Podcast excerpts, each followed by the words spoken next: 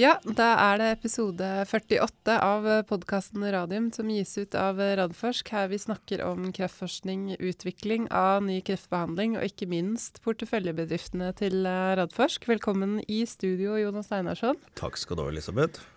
Ser usedvanlig brun ut. Ja, jeg har hytte. Du har hytte, ja. Det er bra. Og så er det jo fint vær. Det er det òg. Man kan ikke klage, klage i Norge lenger. Um, og så er vi så heldige at vi har med oss uh, to gjester i dag. Det er da Øystein Saug og Magnus Jadeberg fra Targovax. Velkommen i studio. Takk så. Takk skal du ha. Ja, vi har akkurat hørt om at dere snart skal ut og farte USA rundt, hørtes det ut som. Så det blir spennende. Ja, det er jo ASKO neste uke, ja. så vi skal jo dit. Mm. Og lære å bli belært. Mm. Det er vel det. Det er jo det er man for å går. møte, møte folk, men også plukke opp hva som skjer i industrien. Mm. Og så prøver vi hele tiden å møte investorer, så klart. Det, Ja, det gjør vi alltid. Skal høre, høre mer fra dere veldig snart. Jeg tenkte vi må ta en kort eh, aktuelt skjedd siden sist. Eh, Nordic eh, kom med en melding i går. Og skal også ha prestasjon av Q1, eh, Q1 i morgen. Ja, det, de hadde vel en eh, oppdatering på, i forhold til dette med, med rekk og, og godkjenninger, og det var vel egentlig at eh, at de hadde en god prosess på Archer, og at eh, avgjørelsen om å sette i gang uh, paradigmestudien i Norge var still pending. Ja. Så der venter vi vel fortsatt på å få Men er det overraskende, fordi hadde de ikke, sto det ikke at de hadde hatt møte med REC allerede, eller tilbake til 26. april? Det å bli en Jo, stund det er helt siden. riktig. Og så skal det da være tre ukers eh, tid for å få tilbakemelding fra REC. Men Ja. eh, det er nå engang sånn at eh, man kan jo velge om man vil telle arbeidsdager eller eh, ikke. Det har så- ikke vært så mange arbeidsdager egentlig siden den tid. Nei, så det, Det er er, nok sant. ikke noe, noe mer spennende enn Nei, at ting tar litt tid hos REC, så det kommer sikkert straks. Men det kan jo være at de kommer med noe i morgen, for de har vel hatt en sånn silent period nå som de Ja. innførte. Ja. Mm. Ja, det er nyheter kommer uansett, selv om Ja. de er inne i en sånn stilleperiode. Det betyr bare at ikke de har investormøter og den Ja, type sånn, ting. ja. rundt eh, perioden med, med kvartalsrapportering. Det, så vidt jeg vet så har vel dere det samme i, i Targovax. Ja, det er jo blitt en ny regel, det. Ja. Så ja. du har jo ikke, det er jo ikke valgfritt lenger. Skjønner. Nei. Så du må ha det. EU, ja. EU-regel. Ja. Ja. Du har en, en låst periode da, Mm. eh, før eh, kvartalspresentasjon. Ja. Litt meningsløst for mange biotekselskaper kanskje, hvor, Mm. eh, hvor det ikke er eh, regnskapet som er det mest interessante. Mm. Eh, Vi betrakter det ikke som innsideinformasjon engang, er, eh, så lenge det ikke er noe unormalt. Da. Nei. Nei. Eh, Men, eh, men det er jo noe vi har fått Ja. på, påtrykt. Ja. Nei, Det er mye med EU og personvern nå i det hele tatt for tiden, så det, sånn er det bare. Eh, og så skal Oslo Kanskluster ha generalforsamling eh, i dag, så da kan vi jo fortelle hva som skjer der. Ja, det er vel ikke noen store nyheter, men det, det er bytta av eh, styreleder. Henrik Mhm. Lund takker eh, av etter en fantastisk innsats i ja, omtrent helt siden vi starta Oslo Cluster. Så har Henrik eh, vært med. Ja, han var jo Mhm. da en, hadde en høy internasjonal stilling i AstraZeneca, så det å få med en norsk person i en sånn stilling til å backe Mm. hele, hele konseptet vårt fra begynnelsen av har vært veldig bra. Så var han eh, nestleder uh, når jeg var styreleder en periode, og vært styreleder i en del år nå. Så Mm. han har gjort en kjempejobb. Og så er det en eh, gammel kjenning av oss, Øyvind Arnesen. CEO i Ultimax, som overtar ja, Under forutsetning av generalforsamlingen stemmer han inn, selvfølgelig. Men eh, det, det går jeg Det ut ifra- det ikke går jeg ut ifra skjer. Ja. Så det blir en eh, ny spennende kar inn i systemet vårt. Mm, veldig bra. Ja, han sitter vel i styret til LMI i dag også, gjør han ikke det? Nei, han har sitt i Han har styret. sittet. Mm. Ja. Eh, det er alltid så mye utskiftninger i sånne styrer og sånn. Du har jo selv vært en stor del av Targovax, eh, Jonas, men du er jo heller ikke der. Nei, nå har jeg Lenger. ikke noen formell posisjon Nei. i Targovax lenger, men jeg representerer jo da selvfølgelig Radforsk, som er eh, nest Eier. største eier. Ja. Eh, og har jo fulgt dette selskapet ja, fra ideene rundt eh, kreftvaksiner ble presentert for meg for 18 år siden, hvor vi starta det første selskapet som het Genvax. Mm. Som jo utviklet også en eh, vaksine mot det samme som disse herrene jobber med nå, i, eh, i pankreas, men da i inoperabel pankreas. Det er en noe, noe utfordrende diagnose, men eh, førte nå etter mye om og men til at det fins en vaksine basert på telomerase, ikke på RAS som disse har, i Sør-Korea som brukes til å behandle pasienter i dag. Så det er jo litt spennende. Det var liksom starten på dette. Og så starta vi jo Targovax basert på disse dataene som alle nå vet om, med disse 20 pasientene og en liten hale som vi lurte på hva var. Og så har jeg vel vært litt spent på hva disse gutta skulle presentere nå for et par dager siden med, med denne studien som vi satte i gang for en del år siden. Så det kan de fortelle om. Ja, vi kan komme tilbake til det. Jeg tenkte på sånn for eventuelt uh, nye lyttere som ikke veit så mye om Targovax, kan vi bare høre en kort introduksjon først, Øystein? Kort, kortversjonen? Kortversjonen. Ja. ja. Altså, Targovax uh, er jo et selskap som driver med immunaktivatorer, og vi har uh, flere produkter innenfor den, det segmentet. Og en immunaktivator det er kort fortalt noe som produserer flere T-celler. Eh, som vi tror kan bli en viktig del i, fremtidig, i fremtidige cocktailer til behandling av, av kreft. Eh, I kombinasjon med andre preparater. Vi ser jo at checkpoint-inhibiterne er vel kommet eh, for å bli og vil være en del av de fleste behandlingsløsningene for kreftpasienter i, i fremtiden. Men de trenger gjerne en immunaktivator, og vi konkurrerer kan du si, den, i den gruppen da, om immunaktivatorer som skal da kombineres med checkpoint-inhibitor og andre kreftpreparater. Mm. da har vi et onkolytisk virus som på en måte er universelt i, at den vil da produsere eh, antigener i forhold til den kreften som pasienten har.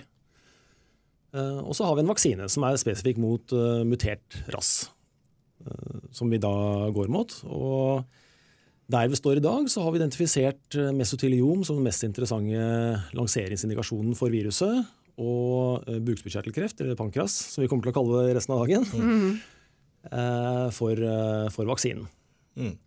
Så det er kort fortalt der vi er i dag. og I løpet av mai så har vi sluppet data på begge de produktene i mesoteliom og i, eh, og i pankras. Ja. Antall ansatte nå er tror jeg er ganske, ganske nøyaktig 30. Ja, I uh, Norge og i Finland, ikke sant? Altså Vi har uh, de fleste her, her, på kontoret i Oslo. Mm. og Så har vi en liten satellitt i Finland. Mm. Og så har vi uh, tre ansatte som jobber litt, bor andre steder i verden. Ja. Mm. mm. Så bra. Og dere er på børsen. Og, men da kan vi kanskje snakke litt om de dataene som dere har presentert nå i mai. For nå har dere presentert på begge, både på onkolytiske virus og på RAS. Vil du Jeg tror kanskje De viktigste dataene er nok ja. de som er på vaksinen. Det er kanskje de som er mest interessant å snakke om. Skal vi begynne der, da? Eller kanskje, eller kanskje, omvendt. Kanskje skal ja. bare så vidt uh, ja, hoppe innom viruset, så vi ikke glemmer det. I, meso, i mesoteliom. Okay, som vi slapp i begynnelsen av mai. Så att uh, vi driver då en studie nu i uh, malignt mesoteliom och det är alltså en typ av lungcancer uh, där cancern sitter i lungsäcken mm. som då skyddar lungan. Och um, det här är då en studie av 30 patienter totalt och vi har precis gjort färdigt den första delen av studien som är en slags safety-del av studien av sex patienter. Och förutom då att vi såg att viruset när det var kombinerat med då kemoterapi och det är standard of care kemoterapi. Det är två cytostatikatyper som heter Pemetrexed och cisplatin. När vi kombinerar med de två så har vi ingen förändring i sidoeffektsprofilen. Det är väldigt viktigt att vi nu vet att vi kan kombinera med cytostatika kombinationer. Mm. Samtidigt att vi då um, tittade på safety data så tittade vi också på responsdata. Så vi pratar här då om patienter där man inte har haft möjlighet att operera ut tumören. Mm. Så att i de flesta fall i den här typen av lungcancer så kan man inte operera ut tumören. Det är ungefär 90% som inte kan opereras ut och kanske 10% kan man operera ut. Ja. Så det är den typen vi tittar på och då kan man alltså följa storleken på tumören. Och det här är då en sex månaders studie och då visade det sig i eh, våra sex patienter att vi hade två patienter där tumören hade slutat att växa. Och det är positivt, det kallar mm. vi för stable disease eller mm. disease control. Och i den tredje patienten, ja, så att tre patienter totalt svarade, den tredje patienten hade då en krympning av tumören. Ja. Och det är också väldigt positivt. Eh, då tog vi dessa data till en expertgrupp i London ungefär lite över en månad sedan. Och eh, man kan väl säga att de sa i princip att det här ser lovande ut tidigt. Det finns ingen kontrollgrupp så man ska mm. vara försiktig vad man säger men mm. det ser lovande ut. Och det andra som de sa det var det att det var väldigt intressant den här patienten som hade en tumör som um, krympte. Den då var en patient som var first line. Så det kan man då tänka sig att de är lite lättare behandlade. Men sen fanns det då en patient som tidigare inte hade svarat på cytostatika kombinationen. Precis samma cytostatika kombination som vi har i studien. Mm. Och den svarade nu med hjälp av viruset. Mm. Så det återgår till vad just Öystein sa här för några minuter sedan att vi tror verkligen att båda våra eh, immunonkologiska teknologier har den möjligheten att förändra eh, mikrotumörmiljön eh, i, i tumören. Alltså. Mm. Och det gör då att, att vi kan få en förbättrad effekt. Mm. Så tidiga data men lovande. ser lovande ut och går i rätta riktningen skulle jag vilja säga. Ja. Och denna kombinationen av kemoterapi och immunmodulerande mediciner mm. Eh, är ju något som verkligen har kommit nu. Det var ju kanske den största nyheten på ACR. Ja. Eh, så du kan liksom fortelle litt om det. for det, Vi trodde vel kanskje at disse immunmoduleringene våre skulle erstatte kemoterapi, men det ser väl kanske ut som det är mer kombination där också. Jo, det går ju lite grann kanske tillbaka om jag får vara lite personlig och prata om att jag hjälpte till att utveckla den första checkpoint-hämmaren som heter Yervoy. Mm. När jag var chef för medicin och utveckling i Europa mm. på Bristol Myers Squibb. Och då trodde vi väl, som du säger då Jonas, att det räcker att med ge en immunonkologisk produkt och man får en god effekt. Nu lärde vi oss då lite senare att det är ganska många patienter som inte svarar på immunterapier. Och det är som du säger då Jonas, där måste man ju kombinera. Mm. Och eh, så det vi gör i vårt företag, vi kombinerar med kemoterapier, vi också kombinerar med andra immunterapier. Och det är då, kan man väl säga, den allmänna uppfattningen att det är den vägen man kommer att gå. Mm. Med andra ord att, att framtiden vad gäller tumörbehandling är någon typ av cocktailterapi. Mm. Och eh, givetvis när vi pratar om kemoterapi så vill man ju sänka doserna och en dag kanske bli av med det i och med att kemoterapi har mycket biverkningar. Men just då man kan ge en lägre dos av kemoterapi och samtidigt en immunterapi och få minst lika bra effekt. Det mm. kan ju vara någonting väldigt lovande för framtiden. Mm. Det är väldigt spännande för jag hör nu flera och fler som börjar snacka om, om detta med när vi tänker på eh, denna immunterapin och denna behandlingen eh, så har ju hela fokuset varit på att häva bromsmekanismer som du, du mm. jobbat med. Eh, och så har väl vi då jobbat med den idén att det trenger lite hjälp i form av att du må ge lite gas där också. Mm. Och det vi gör, enten det är med onkolytiska viruser eller peptidvaksinene, är ju att lage de riktiga T-cellerna som är i stand till att drepa kreftceller. Och så är det liksom resten av världen och Big Pharma som jobbar med att öppna tumorn med att ta bort bränslemekanismer så att våra ting då kan komma och hjälpa till där i tillägg. Og dette har liksom varit teorier runt i väldigt många år men börjar väl å bli, om inte en sanning så i hvert fall något man tror på nu. Jo, det är helt riktigt och eh, som jag sa då om vi går tillbaka 5-6 år trodde vi att det kanske räckte med att ge en checkpoint-hämmare. Sen var det då två separata forskningsartiklar i Nature för två och ett halvt år sedan som visade precis samma sak. Med andra ord att de kunde förklara vilka typer av immunceller som en patient måste ha i tumören för mm. att en checkpoint-hämmare ska fungera. Och det var väldigt intressant att de var publicerade precis samma, samma tidpunkt och helt olika utgångspunkter men visade samma sak. Och, mm. och, det som sagt återgår då till det som vi pratar om nu vilket är det att, att man vet nu mycket mer om immunsystemet. Och man vet mycket mer om immunsystemet i tumörer. Och då vet man att det är vissa typer av immunceller som man måste ha, ha i tumören mm. för att dessa checkpointhämmare som då har blivit väldigt stora väldigt kvickt ska fungera. Mm. Men allt är ju drevet av data eh, när, mm. när allt kommer till allt. Och, och, och, när det gäller viruser så har det ju varit ett produkt som varit på marknaden, Emoji, som är mm. Amgen. Och de hade begränsade uh, kvalitet på datan sin, eller överlevelses, begränsade överlevelsesdata får vi kalla det, mm. uh, i monoterapi. Så begynte de å produsere kombinasjonsdata med checkpoint inhibitor og viste en, eh, en, en drastisk forbedring mm. av hva det viruset kunne gjøre. Det er klart det er en annen virus, det er en kombinasjon mm. med andre checkpoint inhibitor enn det vi bruker, men, men likevel eh, validerer prinsippet. Prinsippene er vel det samme Det, det, ja. det mener vi. Mm. Uh, og så er det jo Kavatak, som er en virus som nylig ble kjøpt av, uh, av Merck. Uh, de har vist enda bedre data i kombinasjon mellom virus og checkpoint inhibitor. Så jeg tror markedet der ute, de har begynt å få øynene opp for viruser nå. Ja. Og vi har sett Nå kommer det såpass mye god data, spesielt nettopp med det å skape disse T-cellene som eh, checkpoint-inhibiterne trenger for å ha en klinisk effekt. Mm. Eh, Det begynner å bli mer og mer et akseptert faktum. Da. Ja, ja. Og som jeg har sett, så har det vært en del dealer også på viruset. i Det har vært my, mye oppkjøp. Ja. Mhm. Så det er, nok, eh, det er nok noe som sk- skjer i gåseøynene akkurat Ja. nå, det med viruser.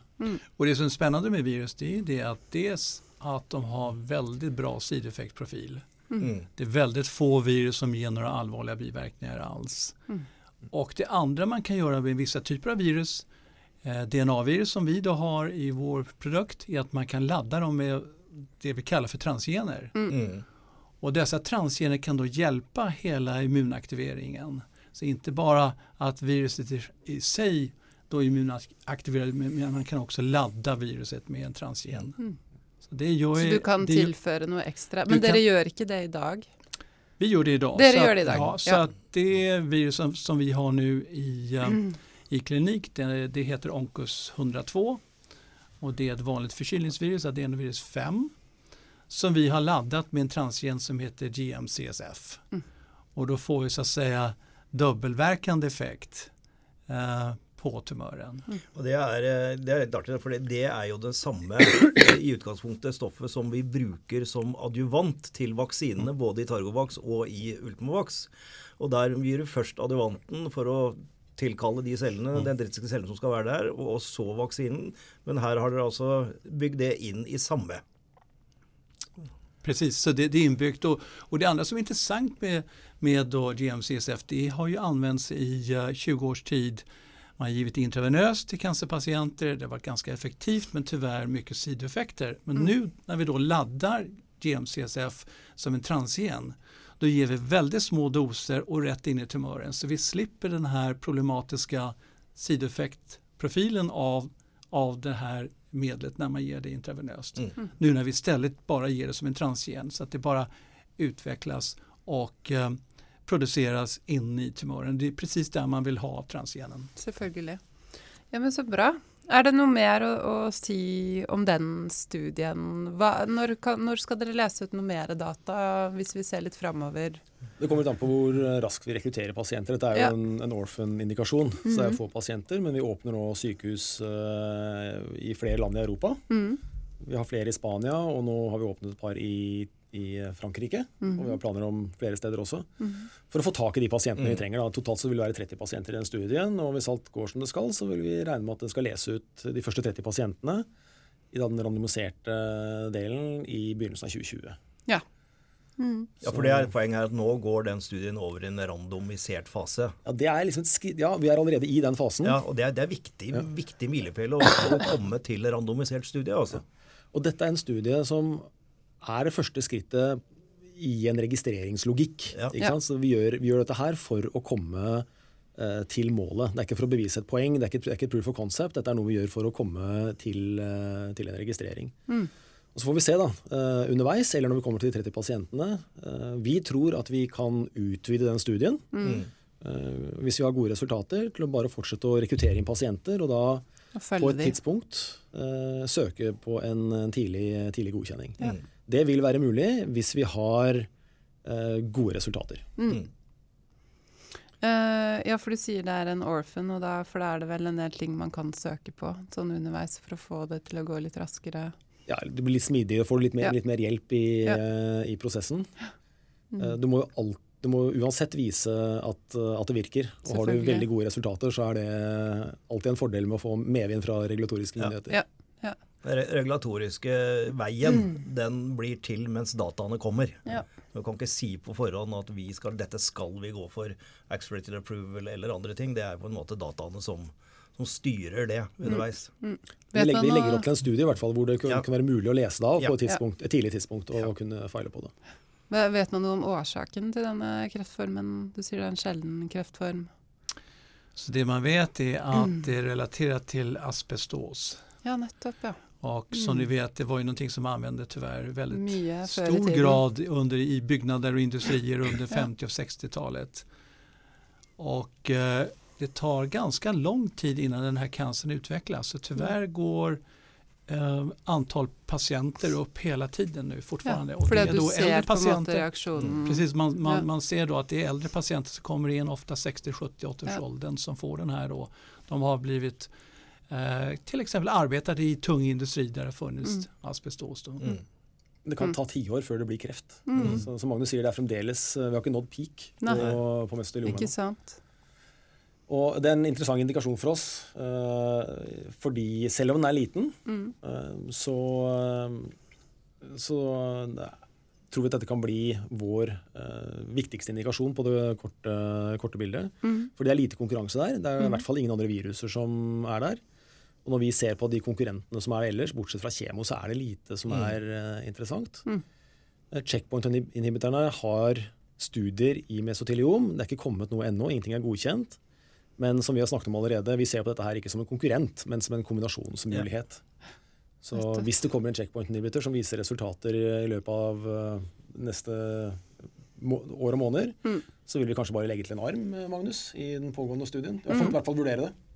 Absolut, det är en möjlighet. Så Mm. att, eh, men man kan ju då säga att den kombinationen som vi har nu, det är alltså den kombinationen som registreringsmyndigheterna nu kräver att man ska kunna visa Ja. effekt mot. Så Ja. att vi, just nu gör vi nog helt rätt Mm. att gå mot uh, PEMSIS, alltså alltså det ena armen av den här studien så har vi viruset och kemoterapi och den andra har vi då den vanliga kemoterapin. Men som jag sen säger, då, det här kan ju förändras då under nästa år och då, då kan vi lägga till en arm och titta på vad det betyder. Men vi konkurrerer da Spennende. mot førstelinjebehandlingen, så vi, Ja. hvis vi har gode resultater, så blir vi da førstelinjebehandling i denne indikasjonen. Så bra. Viktig, eh, viktig studie. Det blir spennende, spennende å følge med. Eh, men da kan vi gå over til det du- Øystein, sier hva er det mest spennende. du skal liksom toppe det her nå. Jeg vet at Det er bare eh, å kjøre på. Dette burde selvsagt Jonas snakke om, ikke meg, men Ja, ikke eh, liksom. Targovax eh, i hine håndlager ble jo startet ut fra noen data som man jeg vil vel nesten si slumpet over. Ja. eh, fra, som da var eid av Gemvax, eller Gael, Kael Gemvax. Ja, altså det, det, er, det er helt riktig at, at det var mye på slump, fordi Jeg har fortalt det før, men den eh, Kan si historien det kan gjentas. Ja, en god Nei, det, det historie. som skjedde, var jo at de kirurgene på Ullevål sykehus som opererte pankraspasienter, de ville se på hvordan de gjorde det. Hvordan pasientene deres gjorde det i forhold til pasienter i andre land som det var publisert studier på. Og så gjorde de det. Så tok de vel mange var det totalt der? Var det 80 pasienter? eh, totalt, som de da fikk noen til å gå gjennom dataene. Og når de satte det inn i sine kurver, så fikk de et resultat som gjorde at kirurgene slo seg skikkelig på brystet og sa at vi er flinkere i Norge enn andre steder. Ah, så Fordi flinke. dat dataene var overraskende gode. Uh, og der kunne historien ha endt. Men den endte ikke med det, for det var jo da noen som Gustav Gauderak og andre som sa at ja, vent nå litt. Vi drev jo med studier i de dager på, og vaksinerte noen pasienter. Det var litt sånn adhoc-studier, litt her og litt der. Ikke noe randomisert, ingenting sånt noe. Men eh, så sa de la oss se hva, hva skjedde med de pasientene. Så plukket de ut de 20 pasientene som hadde fått vaksine etter operasjonen. Og det var de som løfta kurven. Så når de tok de ut, så så vi denne rare kurven med denne halen på. Og som da i 2007-2008 et eller annet den eh, kom, så, så, så var liksom Hva er dette for en slags kurve? Alle kurver skal jo dette helt ned. Og det, det vi satt og så på, var altså en immunterapikurve uten å ane hva det var for noe. Men vi starta veldig mye selskaper på en sånn hunch. Her er det noe. Og så har vi venta på de dataene dere skal snakke om nå. Ja, ikke sant? Så selskapet ble jo grunnlagt med en idé i hvert fall kanskje Ja. da, om å gjenskape disse dataene da, i kombinasjon med kjemoterapi, som var den nye standard of care. Ja. Og eh, hvis jeg ikke husker feil, så var det vel i 2012 at man begynte den studien. Ja, så vidt. Ja. Eh, og man har bygd på da både én og to og tre kohorter. Eh, Vi kaller det nå kohort én og to. eh, Slått, slått sammen to av de. Og den eh, andre kohorten har jo nå levd i to år. Og da er på en måte studien på en måte formelt avsluttet på Ja. to, års endepunkt, i hvert fall. Så da kan vi, kan vi summere opp og se hvordan går det på to års overlevelse, og hvordan går det med medianoverlevelsen. Ja. Så ringen er litt sluttet, faktisk, da, Ja, ut, ut fra den eh, første ideen om, å, om å prøve å dra opp dette her og se om vi klarte å gjenskape de dataene. Det er klart for, å se, for å se om dette her blir em, en em, om det går an å, å søke en godkjenning på, disse, på dette preparatet, du må gjøre en studie til, Ja. minst. Ja. Eh, Så det kan kanskje Magnus snakke litt om etter at vi har snakket om dataene. Men Ja, eh, det, må si nå må vi litt om de dataene som holdt spenningen eh, lenge her. De er jo offentlige, da. Jo, som, som, som sagt, det, det vi har nu, vi har alltså 32 patienter som har gått igenom eh, en tvåårsanalys. Och då visar det sig att vi har 72 procent som då lever vid två år. Och då kan man fråga sig, är det här bra? Hur ser det ut jämfört med andra studier? För som vi sa tidigare då är en enkelarmstudie, vilket betyder att vi har inte en kontrollgrupp här. Mm. Och då finns det fyra stora studier, väldigt stora studier som ligger i flera hundra patienter. Den största är närmare 600 patienter. Och där kan man säga att tre eh, av de fyra eh, studierna de, där ligger då tvåårsöverlevnad runt omkring 50 procent och den sista fjärde ligger ungefär vid 54 procent. Ja.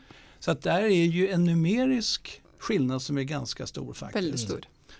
Och eh, då är det ju så att vi publicerade ju på ASCO förra året redan data från första kohorten. Så att jag kan ju då referera till ett expertmöte som vi hade med ett antal folk från USA och Europa.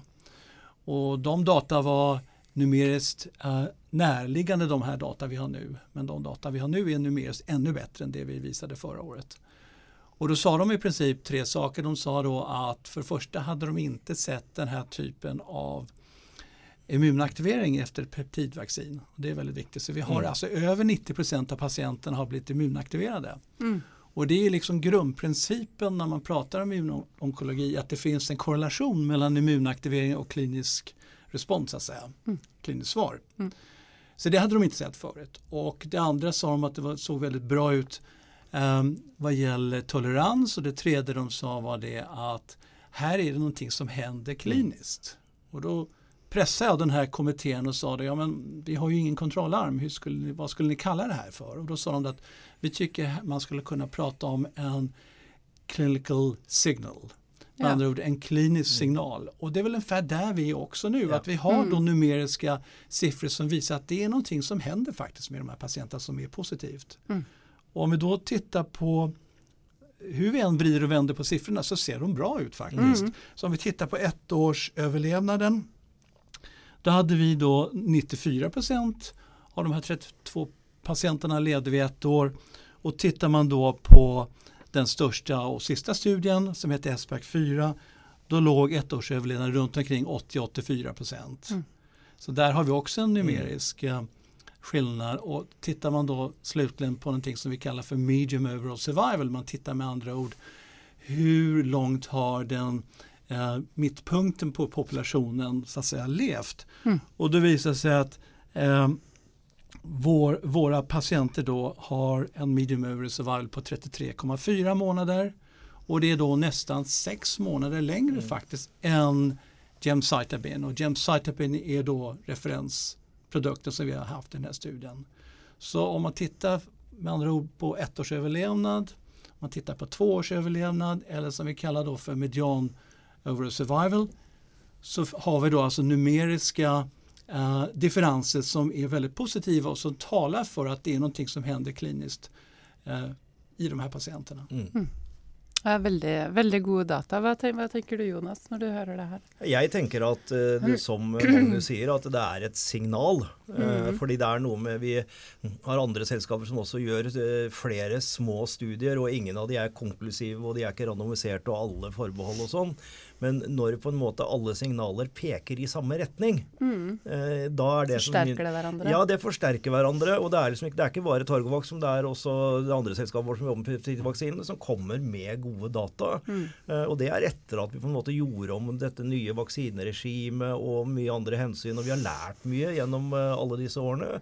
Og det ser ut som vi nå har lært så mye at, eh, at det har en effekt. Og må huske på at dette her er altså en monoterapi. ja. Og så er det veldig syke Eh, pasienter. I utgangspunktet, altså monoimmunterapi, men så kommer, kommer kemoterapien da i, eh, i tillegg. Og da kan man jo se for seg muligheten av at du først viser det, hvilket vi også har gjort i andre selskaper, og så begynner kombinasjonsjobben. Eh, og her har jo ikke det kommet fram noe Ja, nå, nå har dere vel sagt at dere legger opp til en Ja. eh, kombinasjonsarm med, med, med eh, checkpoint-inhibitor, som ikke har hatt, vært noen stor suksess i pankreas tidligere.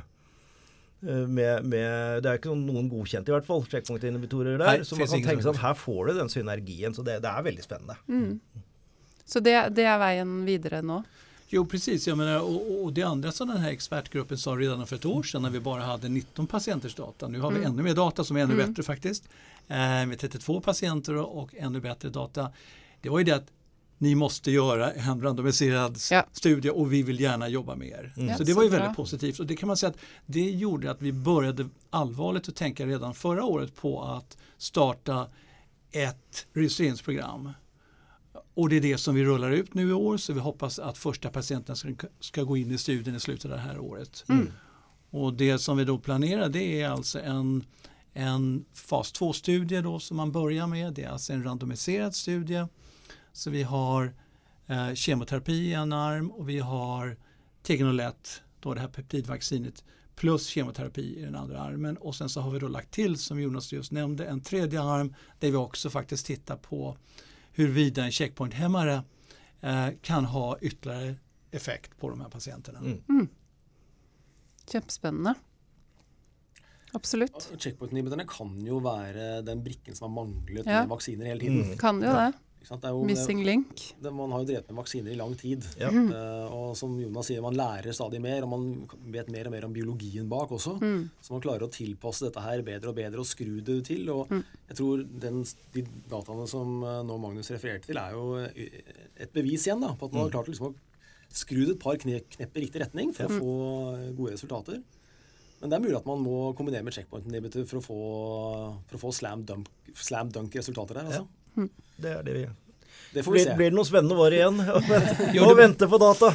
Jo, det blir spännande och, och, man kan säga att idag så finns det inga checkpointhämmare som har visat eh, tydliga data och därför är vi ju tvungna rent etiskt att se till att vi har kemoterapi i våra studier som vi börjar. Och det är helt rätt. Ja. Så att om man säger att vi hade gått med data idag till eh, registreringsmyndigheten då hade vi varit tvungna att visa att om man lägger till vårt vaccin till kemoterapi så får vi bättre effekt än bara ge kemoterapi. Ja.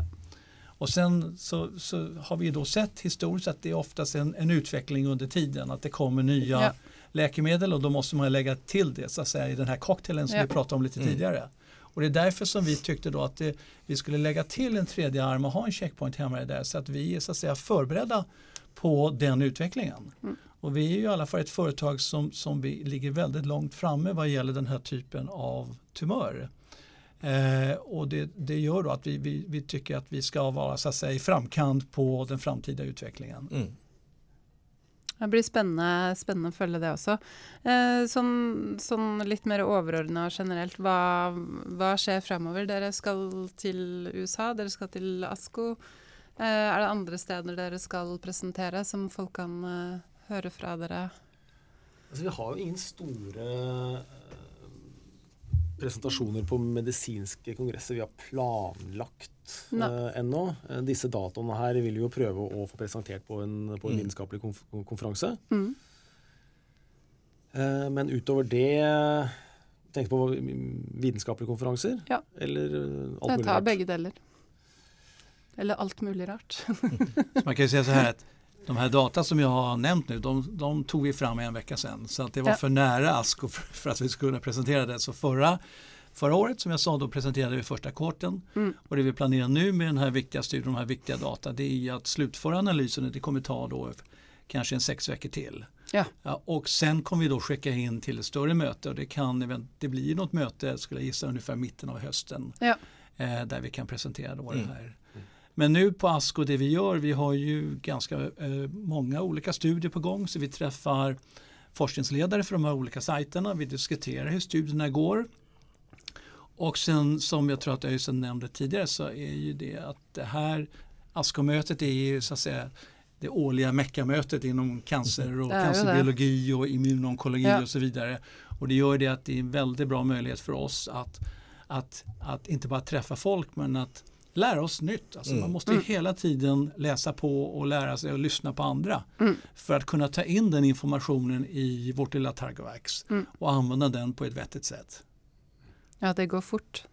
Och det är ju bra. Det är ju positivt. Det går ju väldigt Att, fort som du eh, säger. Va? Jag menar, om vi bara tar då den här, Mm. hela den här immunonkologiska utvecklingen. Den har ju gått från noll till, till 8 miljarder eh, dollar på bara fem år.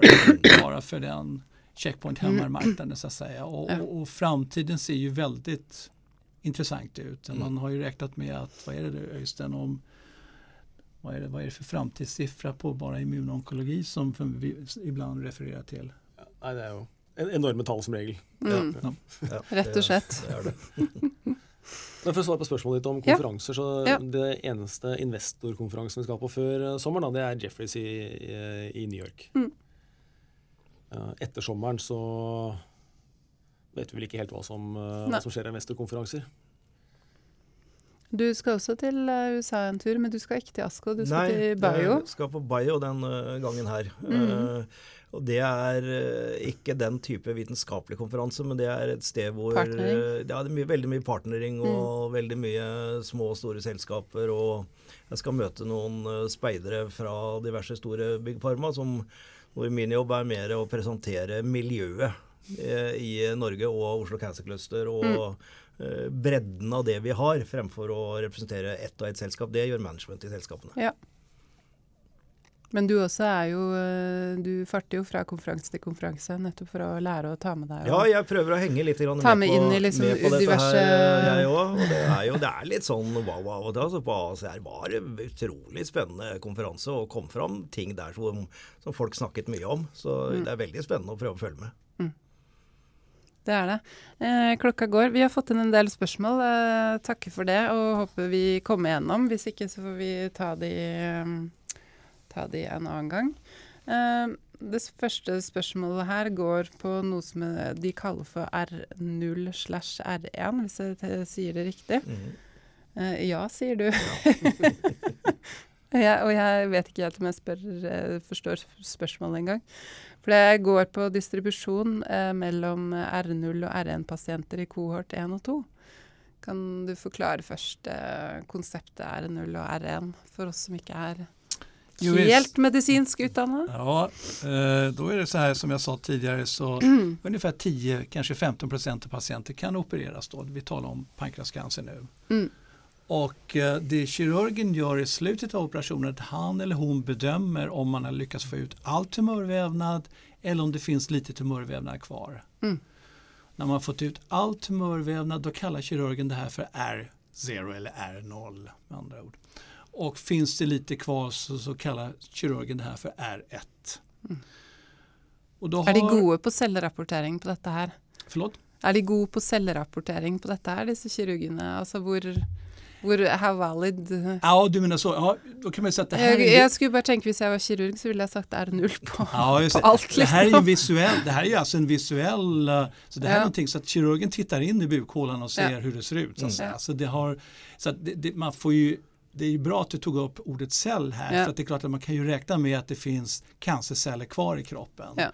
Utan det här är en ren kirurgisk teknisk bedömning i slutet av operationen. Mm. Och det som är intressant är det att vi har i många år då eh, förväntat oss att det är väl antagligen skillnad på överlevnaden mellan de som har en R0 och R1.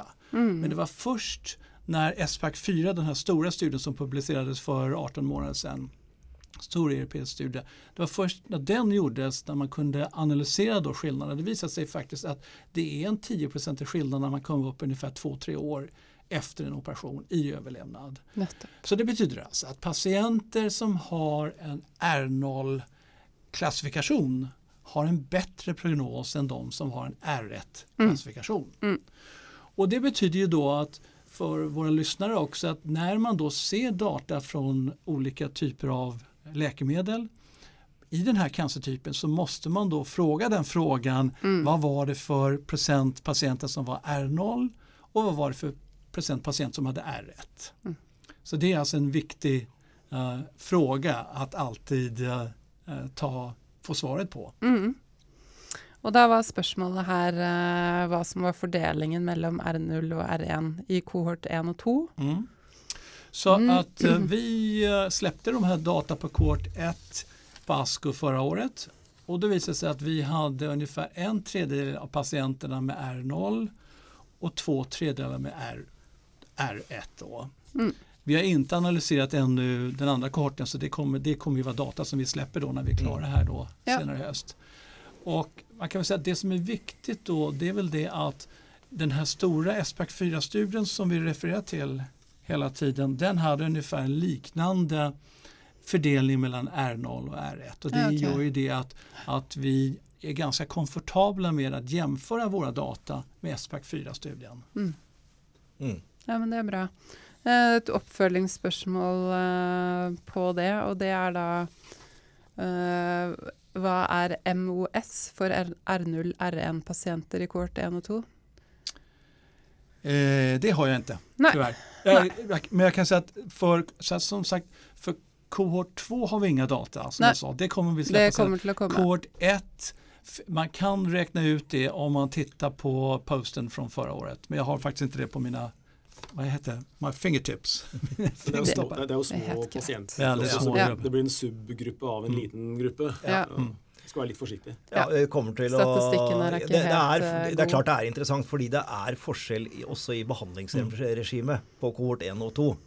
Eh, sånn at, at det, det vil jo være spennende å se de endelige overall survival og median overall survival sammenligne kohort 1 og 2 om noen grep som blir gjort da, faktisk. Selv om, Øystein, ja, det er din jobb å si at det er små tall, og det er helt riktig, så er det litt spennende å se på. Men, men dere har ikke nådd median overall survival for kohort 2 ennå. Precis. Så det gör det att man kan inte göra den analysen Nej. än. Och det andra skulle jag bara säga det är väl det att det var först i den här jättestora 550 patienter SPAX 4-studien som man kunde faktiskt visa att Ikke det var en skillnad i överlevnad. Ja, Så att ja. chansen i en 32 patienters studie att Liten. visa en skillnad är väldigt liten. Men jag tycker det viktiga är att vi har en väldigt solid referenspunkt i aspekt 4-studien. Vi Mm. vet med andra ord med hel säkerhet att det är helt tydlig överlevnadsskillnad mellan R0 och R1. Mm. Så att, eh, och det tycker jag, det, det för mig i alla fall som, som forskningsledare för Targovax, det, det, det så att säga räcker. Men givetvis ska vi släppa de här data Ja. när vi har dem. Det er veien, veien å gå. Vi- har ikke friskere pasienter enn de vi sammenligner med. Det Nei. er konklusjonen. Eh, og så har, eh, har det vært en prestasjon i går på, på Red Eh, hvor CFO i Targovax da sier at mesotelioma er det mest spennende pågående prosjektet, og det var vi jo så vidt, eh, så vidt inne. Um, og så er spørsmålet da, kan, kan du Magnus forklare nærmere hvorfor melanom og ikke mesoteliome er et proof of concept? Ja just det, det var en, studie, en, Ja. en fråga som kom in då. Ja. Och då kan man väl säga ungefär så här att i, man kan väl börja med att säga i mesoteliom finns det standard of care. Det finns alltså ett kliniskt sätt man har kommit överens om internationellt hur man ska behandla de patienterna. Mm. I den här melanompopulationen som vi studerar i USA nu i den här studien där tittar vi specifikt på patienter som inte, det, som inte har svarat på checkpointhämmare. Där finns det alltså ingen referenspunkt. Nej. Och det gör ju då att mesoteliomstudien är som jag just nämnde tidigare. Det är liksom en början på en registreringsstudie faktiskt. För att vi, vi jämför med den behandlingen som man internationellt Mm. använder i, i de patienterna. Mm. Medan melanomstudien den är ju så att säga lite mer explorativ och den är ju proof of concept-studie på så sätt att vi kommer ju här då se huruvida när man ger viruset i de här patienterna som inte svarat på checkpointhämmarna om man kan förändra mikrotumörmiljön Mm. och om det betyder när man sen då ger Keytruda efteråt som är checkpointhämmare om det här kan då bli en respons i patienten. Mm. Får vi då bra data då har vi alltså två möjligheter att utveckla det här läkemedlet. I det. Dels kan man då fortsätta att titta och göra en registreringsstudie i den indikationen på melanompatienter som inte svarat på checkpointhämmare. Men dels kan man ju säga att det här är en proof of concept-studie för andra kombinationer Mm. i andra indikationer. Mm. Där checkpointhämmarna har blivit godkända och där de inte fungerar vidare bra. Så till exempel head and neck, alltså vad heter det, huvud, huvud och nackecancer Mm. då på norska, norsk-svenska. Mhm. Eh, det är ju en indikation som är väldigt intressant då som en möjlig fortsättning i och med att där har checkpointhämmarna blivit godkända. De fungerar bara till ungefär 20-25 procent. Det betyder bara kanske en fjärdedel av patienterna svarar. Mm. Och det är väldigt lätt att administrera viruset till de, de typerna av tumörerna. Så bra. Ville du si noe? Ja, jeg tenker- tenker på at det, det er jo så enkelt som at eh, Mm. det at vi kan immunaktivere disse tumorene, er jo Mm. konseptet. Mm. Og Det er det vi prøver å bevise i denne studien. så Det er, sånn, det er bokstavelig talt et, et proof of et concept her. Ja. Mm. Mens i mesoteliom der er det jo det er logistikk på vei mot en eh, Mm. godkjenning. Ja. Godt eh, oppsummert. Jeg tror vi tar et siste spørsmål, for eh, klokka går. Og det her går på pasientrekruttering. Eh, og dette husker jeg vi snakka med CFO forrige gang han, han var her, Mm. i forhold til antall, antall pasienter i de ulike kohortene. Og da er spørsmålet hvor mange pasienter må leve etter tre år for at man anser resultatet for lovende. Så det, det som man normalt pratar om, så det är pankreasstudien vi pratar Ja. om nu, Ja. det Ja. är då man, det som vi alltid har pratat om i, inom tumörforskning, det är ettårsöverlevnad, tvåårsöverlevnad och femårsöverlevnad och medium overall survival som sagt. Mm. Och då, som vi har berättat tidigare, så har vi då ettårsöverlevnad och vi har tvåårsöverlevnad och Mm. vi har medium overall survival. Alla de tre siffrorna ser lovande ut. Mm. Eh, vi har inte kommit till den punkten att patienter har levt i fem år. Men däremot kan jag ju säga att i den första kohorten finns det en patient som har levt nästan i fem år. Så att när vi tittar nu på data här i, eh, vad var det, tre veckor sedan. Mm. Så hade vi då i, andra, i första kohorten hade vi fem patienter som fortfarande levde. Mm. Och med andra ord den som har levt längst var just under fem år. Mm. Så, och eh, i första kohorten eh, som sagt fem lever och i andra kohorten nio som lever just nu. Mm. Så det betyder då att vi ska då försöka nu följa de här patienterna lite längre. Mm. Och se om vi kan då rapportera lite längre Mm. data. Spennende. Ja, Men väldigt små spännande. tall, da. Små tal men, Ja. men fortfarande spännande. Ja. Veldig. Har du noen siste bemerkninger, hjertesukk, eller er det for varmt Det for er å alt, sukke? altfor varmt sukke. det. Alt for varmt. Nei, nei da, det ble, det ble jo veldig spennende å, å se dette videre, og, og også når de analyserer eh, disse dataene. Og, og det er klart at det kliniske data som toårs og tre eller fem års overlevelse og sånt, og det kommer når, når det kommer. Men jeg, det er mye spennende som foregår i alle selskapene, som ser på dataene, som ser på prøver. Eh, og prøver å finne nye måter å kunne vise at immunterapien gjør den jobben den skal gjøre, med å analysere hvilke typer T-celler har vi andre måter å, å, å analysere de på og vise hvor, hva er korrelasjonen mellom dette vi ser i blodprøver, eh, og, og eh, hvordan det kan virke på klinisk effekt. Og der er jo ikke noe vi rapporterer på nå, men, men det foregår veldig mye spennende. Mm. Uten tvil. Men da må jeg ønske dere god tur til eh, USA. Håper dere har mange fine møter og lærer masse. Og du også.